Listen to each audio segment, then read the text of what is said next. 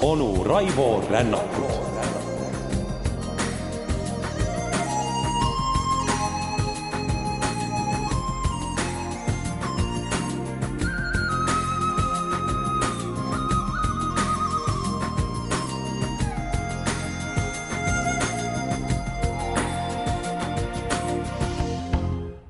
ja tere hommikust, head sõbrad!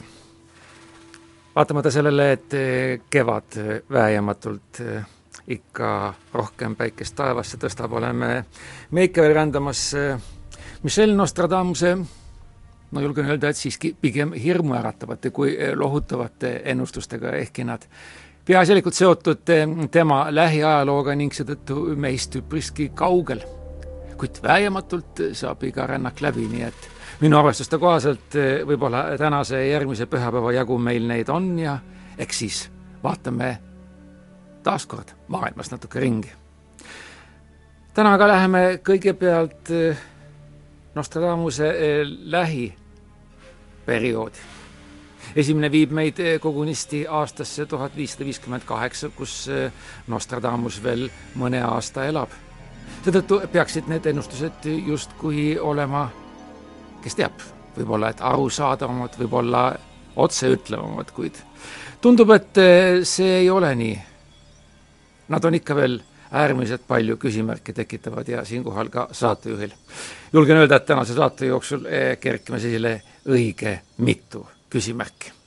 kuid mingem nüüd eh, asja juurde. eelviimane saade selles sarjas, vähemalt minu ennustuste kohaselt, nagu see on.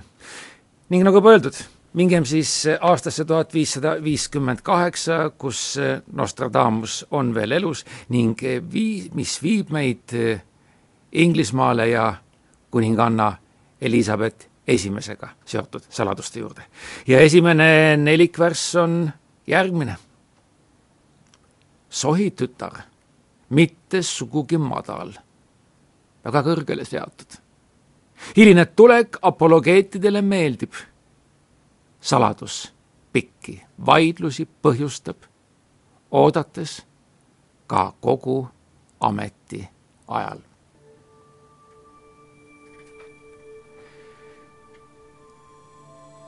niisiis viib meid eh, see Katrin Inglismaale, kus võimul on, eh, julgen öelda, et kurikuulus Inglise kuningas Henry kaheksas paljudel kerkib otsekohe silma ette ülekaaluline ja üpriski vähemobiilne Henry, kes ometigi oli oma nooruspõlves vaata et tolleaegse rüütli ideaal, võitmatu turniiride võitja, mees iludus, kelle muide säärejooksu ülistas kogu Euroopa ning mis kajastub ka paljudel maalidel, kuid kes paraku läinud ajalukku just oma naistevahetuse tõttu mis paraku päädis nendele naistele kõige halvemaga.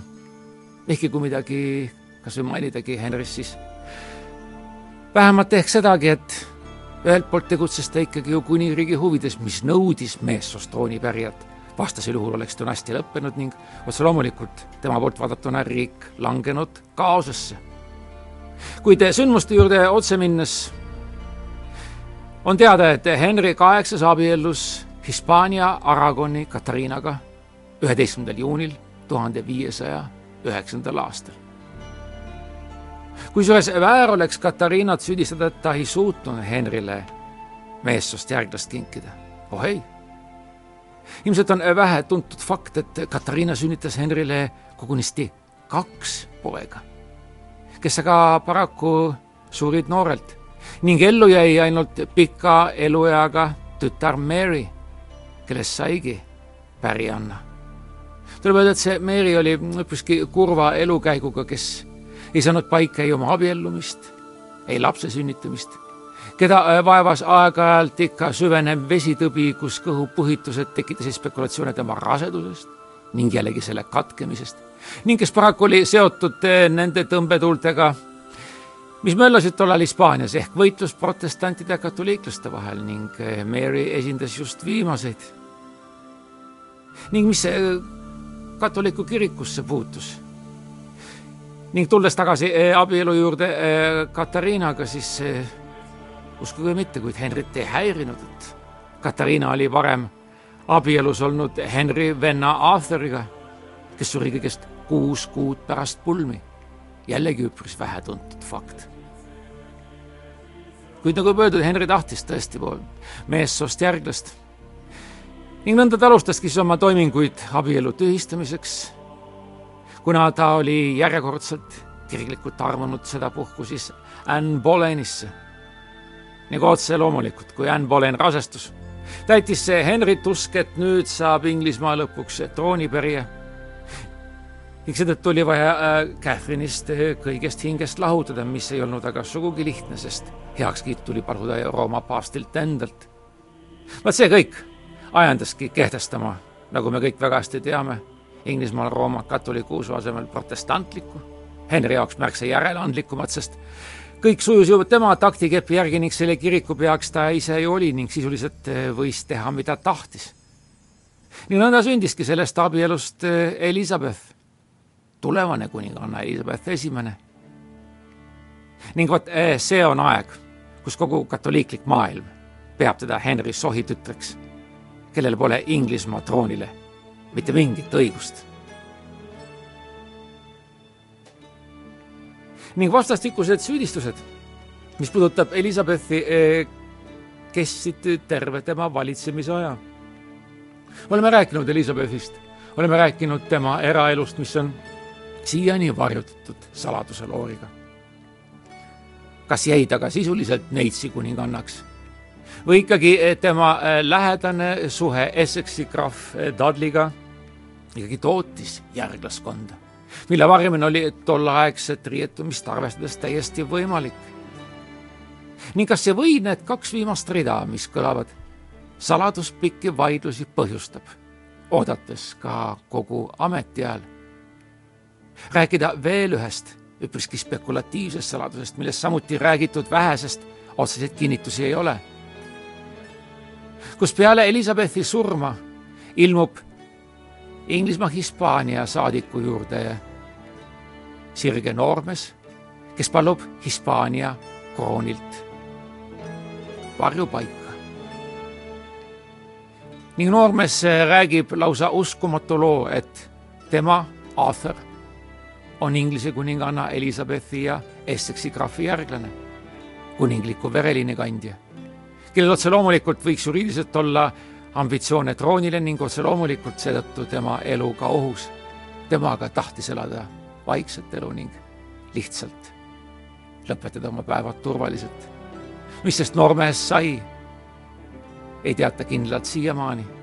võib-olla ka siit siis ka Nostradamuse vihje, et ta teadis veelgi rohkem, kui need kaks rida võiksid meile öelda.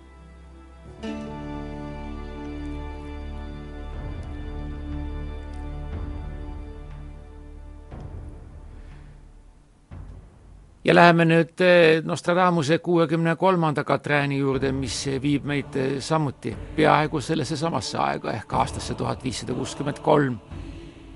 ning nelikvärss ise kõlab nii. Leskdaam jääb oma kuningriiki. ainus kaasa auväärsel võitlusväljal sureb. seitse aastat leinates kulub riik oma suuruses veel kaua vastu peab. niisiis on juttu riigist, mis peab veel kaua vastu, on juttu seitsmeaastasest leinast, auväärsest surmast võitlusväljal ning see viib meid episoodi juurde, millest me oleme ilmselt kõige rohkem rääkinud, rännates koos Nostradamusega. kuid see oli tõesti sensatsiooniline kuulutus, mille Henry tegi ning kes teab, kuidas ta elupäevad oleksid lõppenud, kui seesama mainitud sündmusega lähedalt seotud Katariina di Medici oleks olnud eluaeg tema patrooniks ehk kuulajad ilmselt aimavad, et tuleme taas kord siis Prantsuse kuninga Henri surma juurde piigivõitluse turniiril. ning kõik on seotud kahekümne viienda märtsiga tuhande viiesaja viiekümne teisel aastal, kus seesama Henri Teine kuulutas, et tema äraoleku ajaks või enneaegse surma puhul saab regendiks abikaasa, seesama Katariina di Medici. ja nõnda toimubki see sündmus, mille isegi ettekuulutamine oli vaata et täielik tabu.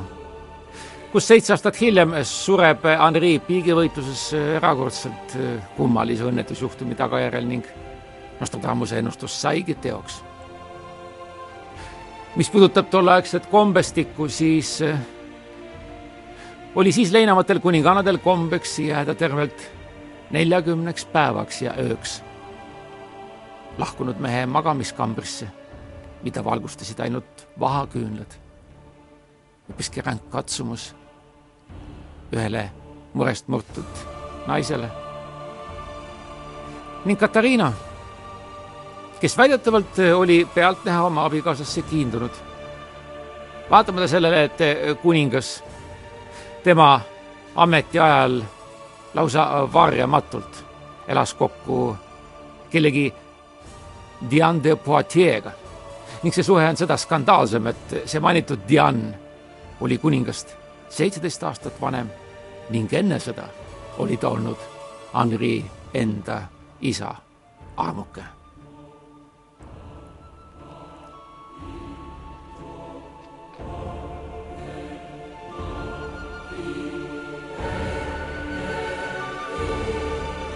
mis puudutab seda valvamist, siis eh, otsustas aga eh, tugevatahteline Katariina sellest eh, sättest mööda hiilida ja viis hoopiski oma õukonna Pariisis Saint-Germaini.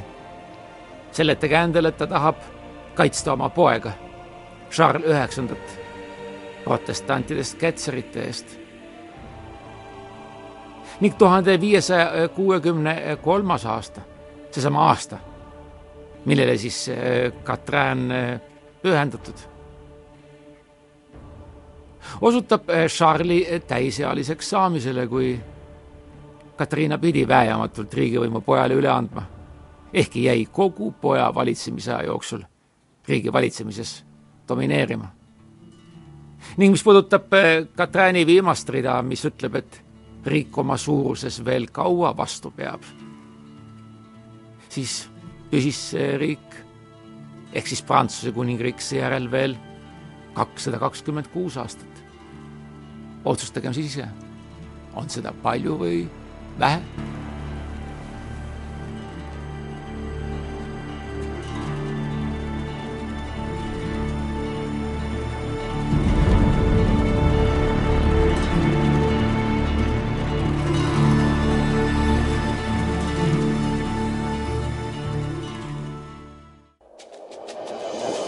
Raivo Rännakut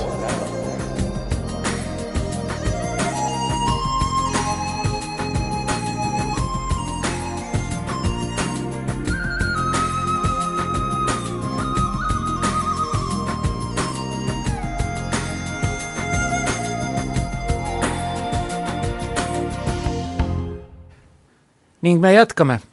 Ning räägime pealkirjast mille sisuks on ehte laekakirjad. see oli kahekümne kolmas Katrin ning viib meid aastasse tuhat viissada kuuskümmend üheksa ning seotud äh, õnnetu saatusega Šoti kuninganna Mary'ga, keda ei tasu segi ajada just äh, äsja mainitud äh, Mary Tudoriga, vaid tegemist on Mary Stewartiga. ning Katrin ise on järgmine vist kuninganna kirjad laekast on leitud. Neil pole allkirja, saatjagi nimetu.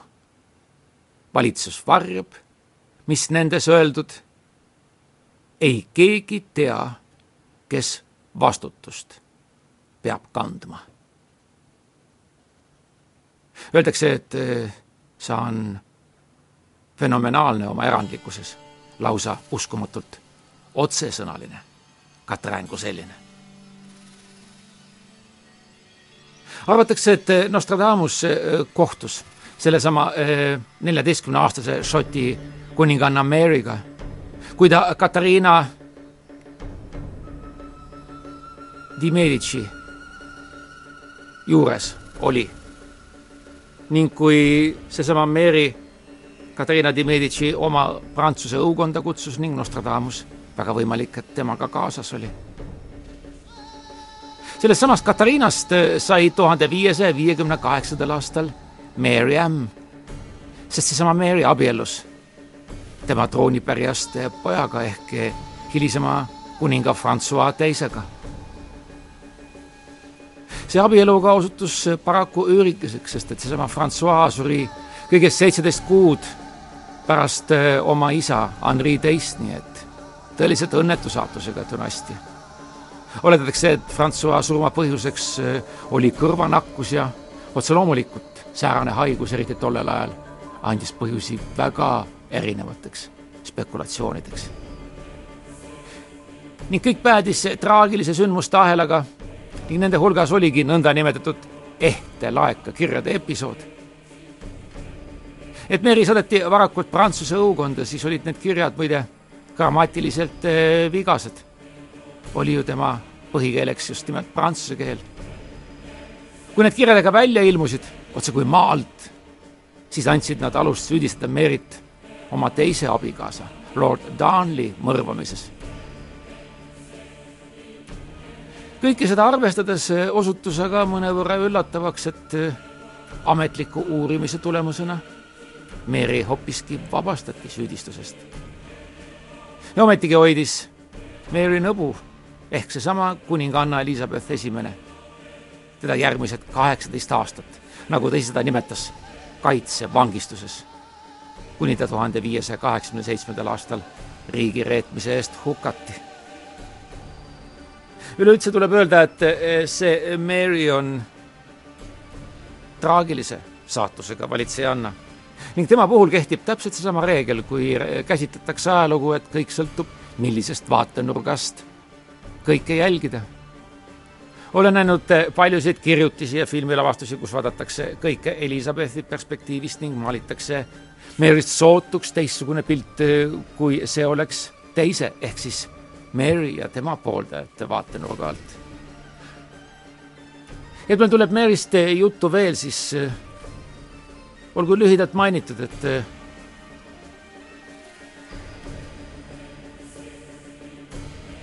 Šoti kuninga James viienda teine naine, Marie de Guise-Lorraine ehk siis prantslanna sünnitaski eh, tollele tütre Mary, kes pärast Jamesi surma saigi Šotimaa kuningannaks.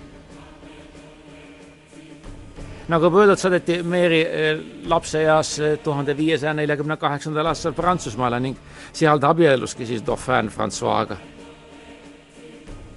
nõnda tundus, et Šotimaa on täiesti kindlalt Prantsuse leeris ja see otse loomulikult tugevdas Šotimaal katoliiklaste võimu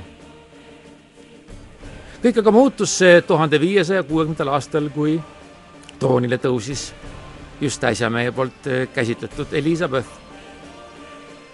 Tuhande viiesaja kuuekümnendal aastal aeti inglaste sõjalise abiga Prantsuse väed Šotimaalt välja. just sel ajal, siit siis ka spekulatsioonid, sureb Francois teine, jättes Mary Stuarti maha lastetu lesena selline valitsejanna aga ei oma mitte mingit väärtust tolle ajastu mõõdupuude järgi. ning protestantide mõju all olev parlament tühistas paavsti võimu ja missa pühitsemise ning otse loomulikult kiitis heaks protestantliku usutunnistuse, nii et ka usulise poole pealt jääb Mary vaenlaste poolt ümbritsetuks. ning ilmselt tuleb seletuseks öelda, et Mary lihtsalt polnud nii ettevaatlik kui Elizabeth. kui soovite, siis polnud ka poliitikuna nii andekas, nii manööverdamisvõimeline. ning ei olnud tal ka, ütleme siis lihtsalt välja, oskusi. et leida piisavalt toetust vaenutsevate Šoti parunite hulgas, mis oli tollases maailmas lausa hädavajalik. ning veelgi populaarsemaks muutsid Mary saatuse tema abieluprobleemid. suri ju Francois, nagu öeldud, salapärastel asjaoludel ning ka Mary teine abielu oma nõo Lord Darnley'ga ebaõnnestus. Räägitakse, et too mees olla osalenud Mary favoriidi itaallasest David Erizio mõrvas. nimelt tundus mehele, et ta on Mary'ga liialt lähedane, kui see tema meelest sobilik oli. Mary, kes kõigest hingest otsis kaitset, leidis selle mm, üpriski brutaalse olemisega Šoti soost Bothwelli krahv Jamesi poolt, kes sellesama Darnley tappis ning ka Mary'ga abiellus, kuid sellega sisuliselt löödi ka viimane pitser Mary saatusele. Lord Darnley eh, hukka ja Bothwelli krahv ei olnud eh, säärane tugev tegija, kes oleks mobiliseerinud enda taha kõik vaenutsevad krahvid. ja nõnda juhtuski, et tuhande viiesaja kuuekümne seitsmendal aastal oli seesama Mary sunnitud protestantlikele lordidele alistuma ning loobuma oma troonist alaealise James kuuenda, kes tõusebki muide troonile peale Elizabethi. James kuuenda heaks, kelle ta muide sai lord Darnley't. sellega oli protestantliku kiriku positsioon kindlustatud ja katoliiklik monarh ehk seesama Mary kuningriigist välja aetud ja nõnda põgenebki Mary ning saab aru, et ainsaks võimaluseks on heita ennast Elizabethi meelevalda ning siit ka siis mainimine sellest, kuidas valitsus varjab ning keegi ei tea, kes vastutust kandma peab.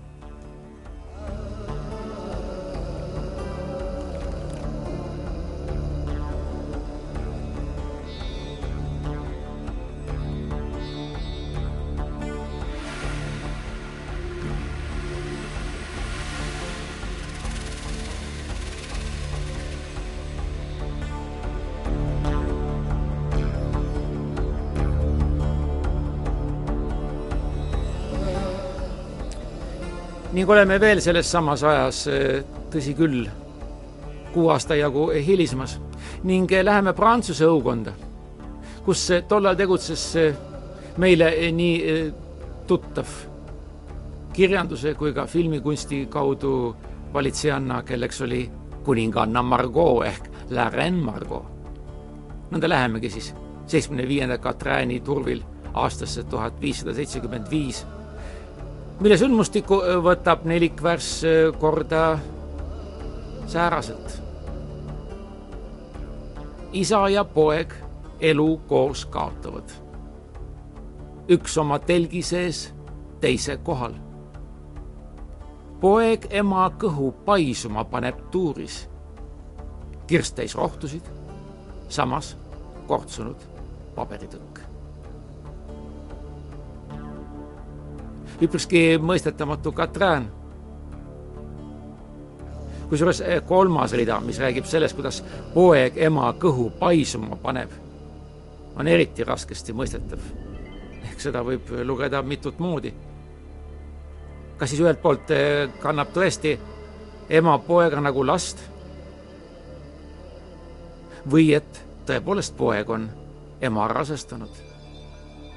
ning neljas rida kus juttu eh, rohtusid täis kirstust ning kus samas on ka kortsunud paberitükk. võib viidata, et tegemist on tõesti ravimirohtudega, millega ju Nostradamus oma arstiameti tõttu vägagi lähedalt tuttav oli.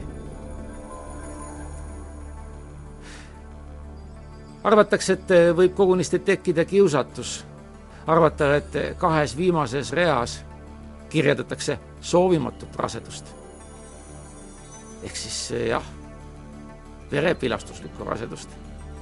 ning et eh, ainuke võimalik abordi tegemise viis oligi nendesamade rohtude läbi.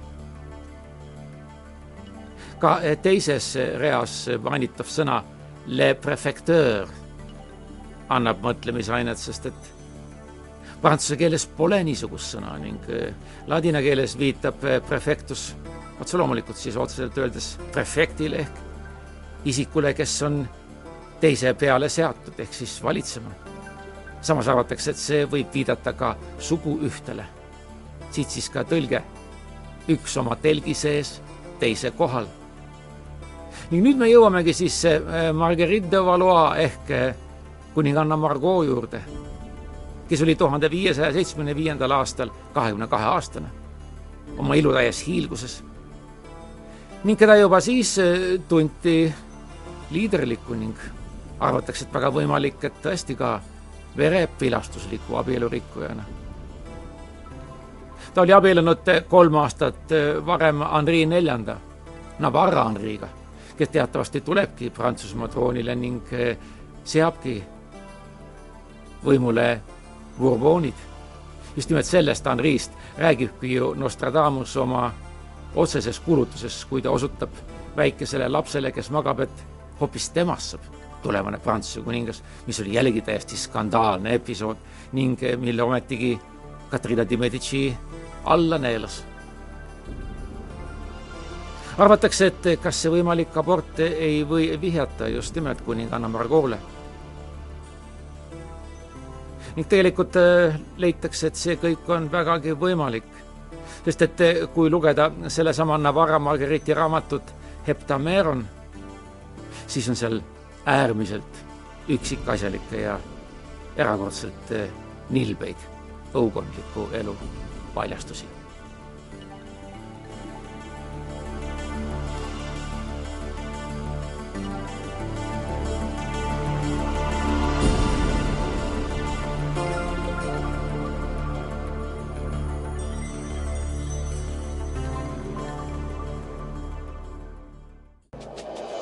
Onu Raivo Rännakut.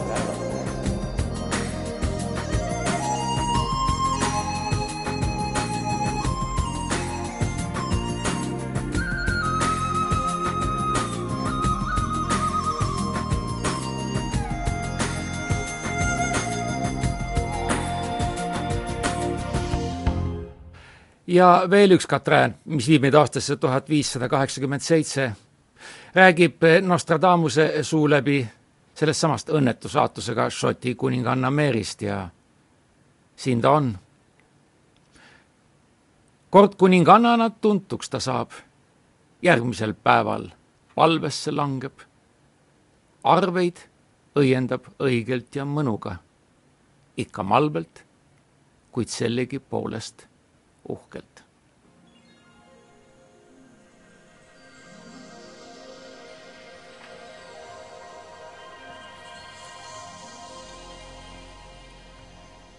Eks selle Katrääni eh, läbi tuleme me sündmuse juurde, mis justkui kuulutab ette järgnevaid episoodi Inglise ajaloost.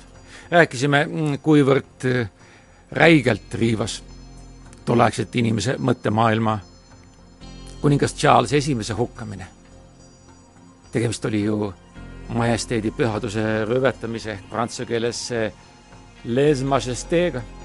ning tegelikult eh, mida muud oli ka sellesama kuninganna Mary hukkamine, keda paljud käsitlevadki kui katoliiklikku märtrit. mis puudutab eh, sedasama Mary hukkamist, eh, mis toimus alles, nagu juba öeldud, kaheksateist aastat peale tema vabatahtlikku vangistusse minemist, siis teatati talle sellest eh, alles sama päeva õhtusöögil enne surma saatmist peale selle ei lubatud äh, tema juurde kaplanit lohutussõnu ütlema ning keelati talle ära ka viimane võidmine. kujutage ette, mida see tähendab veendunud katoliiklusele. ning vangivalvurid nõudsidki seeläbi, et Meeril tuleb leppida protestandist vaimulikuga.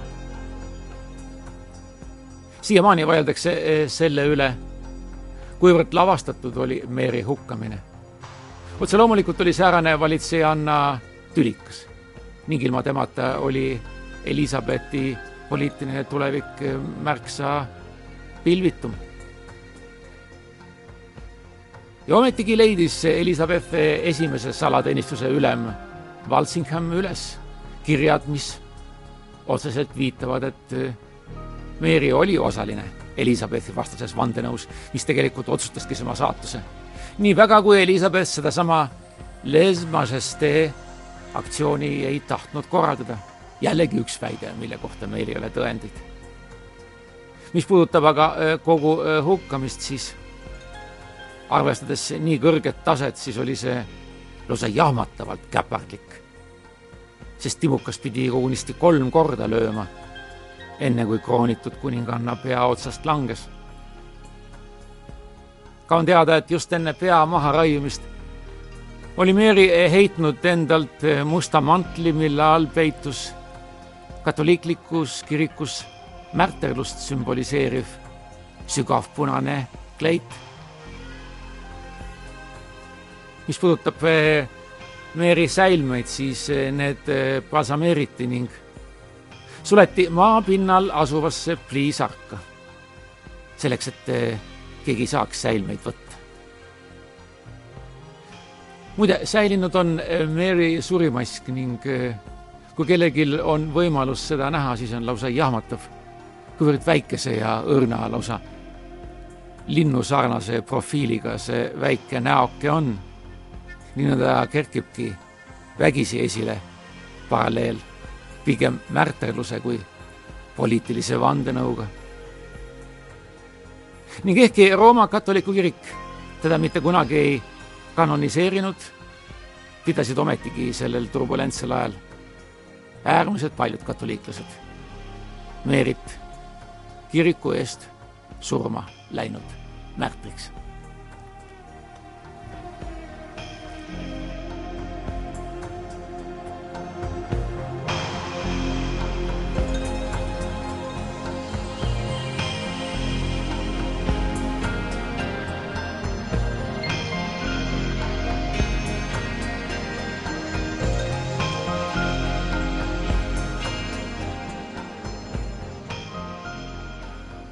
ja nüüd seitsmes Katrään ning aasta on tuhat kuussada seitse.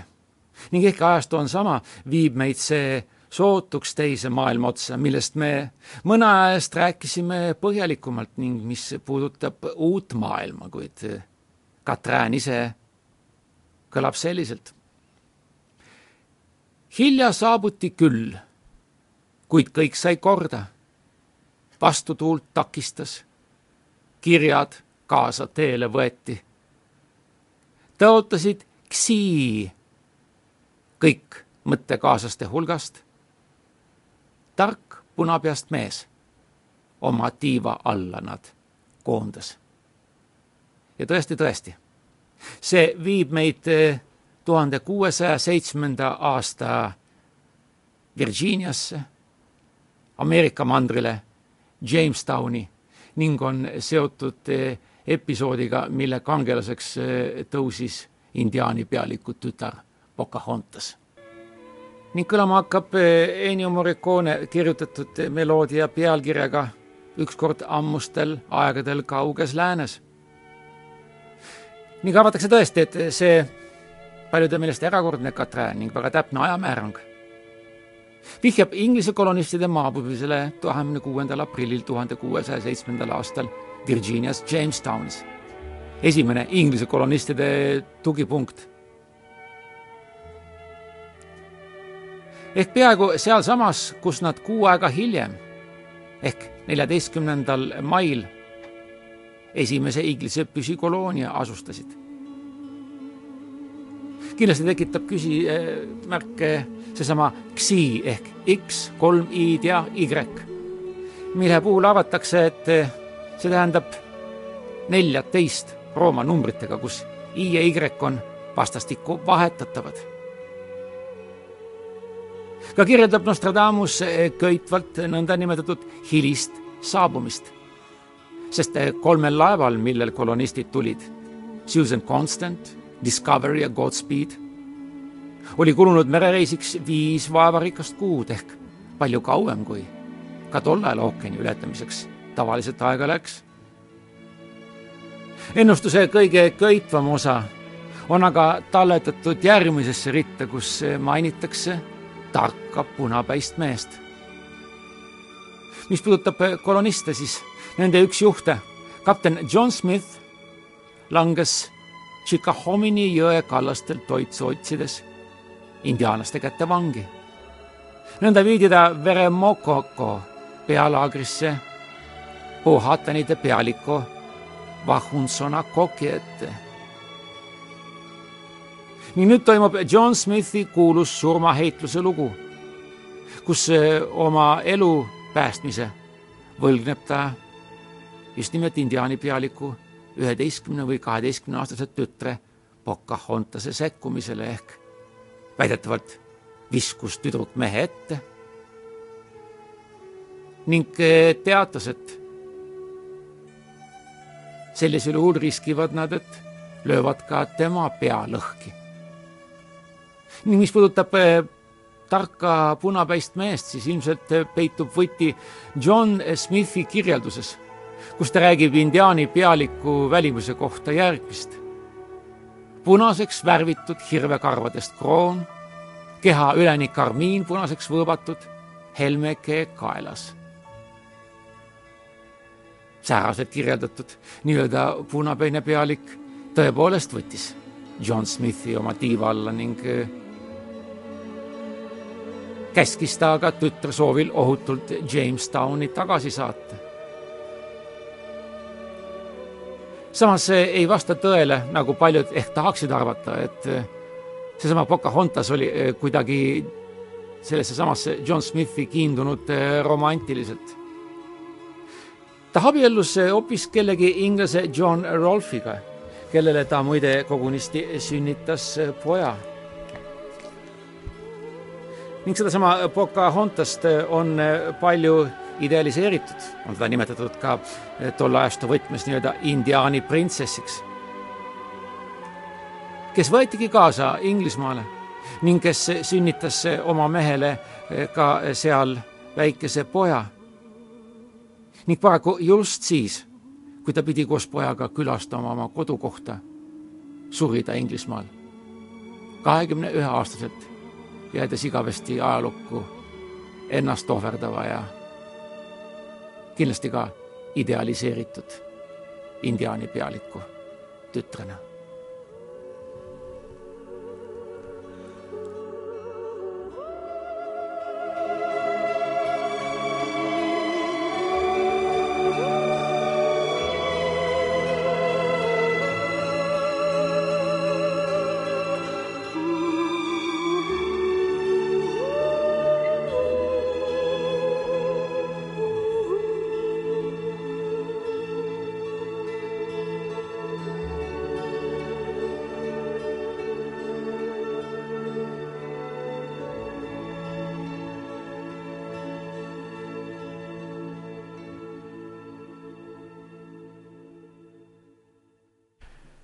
kahekümne üheksas Katrin ja tuhande kuuesaja kahekümne üheksas aasta ning read on säärased.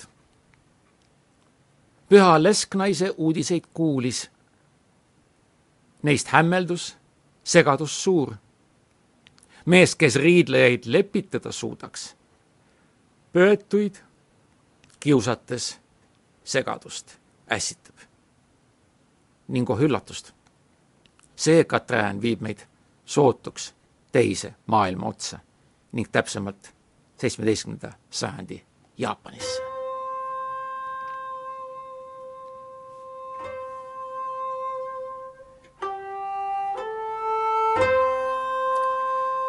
ehk arvatakse, et see Katrin räägib Jaapani keisrinna Meishost, pühast lesknaisest kes tõusis eh, oma isa Go Mizuno asemel Jaapani troonile tuhande kuuesaja kahekümne üheksandal aastal.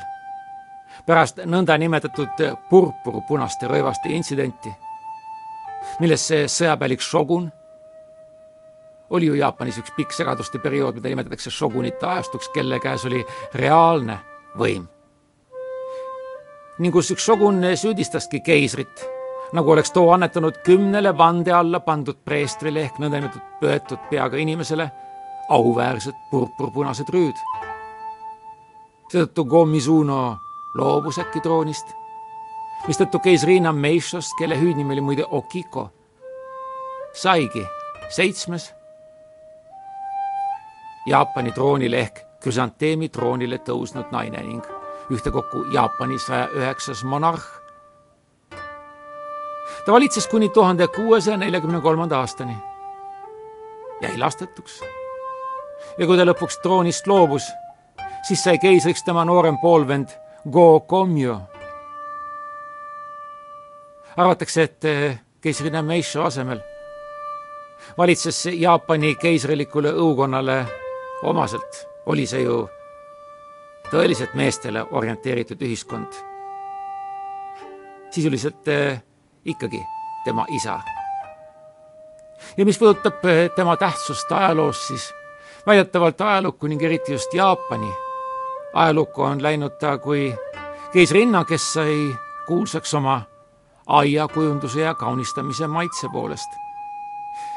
ning kui meil teada, et ta kulutas eh, olulise osa oma suurest varandusest just nimelt esteetilistel eesmärkidel. lausa hämmastav. kas tõepoolest võis tolleaegse niivõrd piiratud maailmateadmisega renessansi ajastu selgeltnägija näha niivõrd kaugele teise maailma otsa ning veel oma ajast ettepoole. jäägu see avastajate, kui soovite, südametunnistusele või siis ka olgu see neile loorberipärjaks. meie aga kohtume teiega taas kord, ilmselt viimast korda ennustuste raames järgmisel pühapäeval.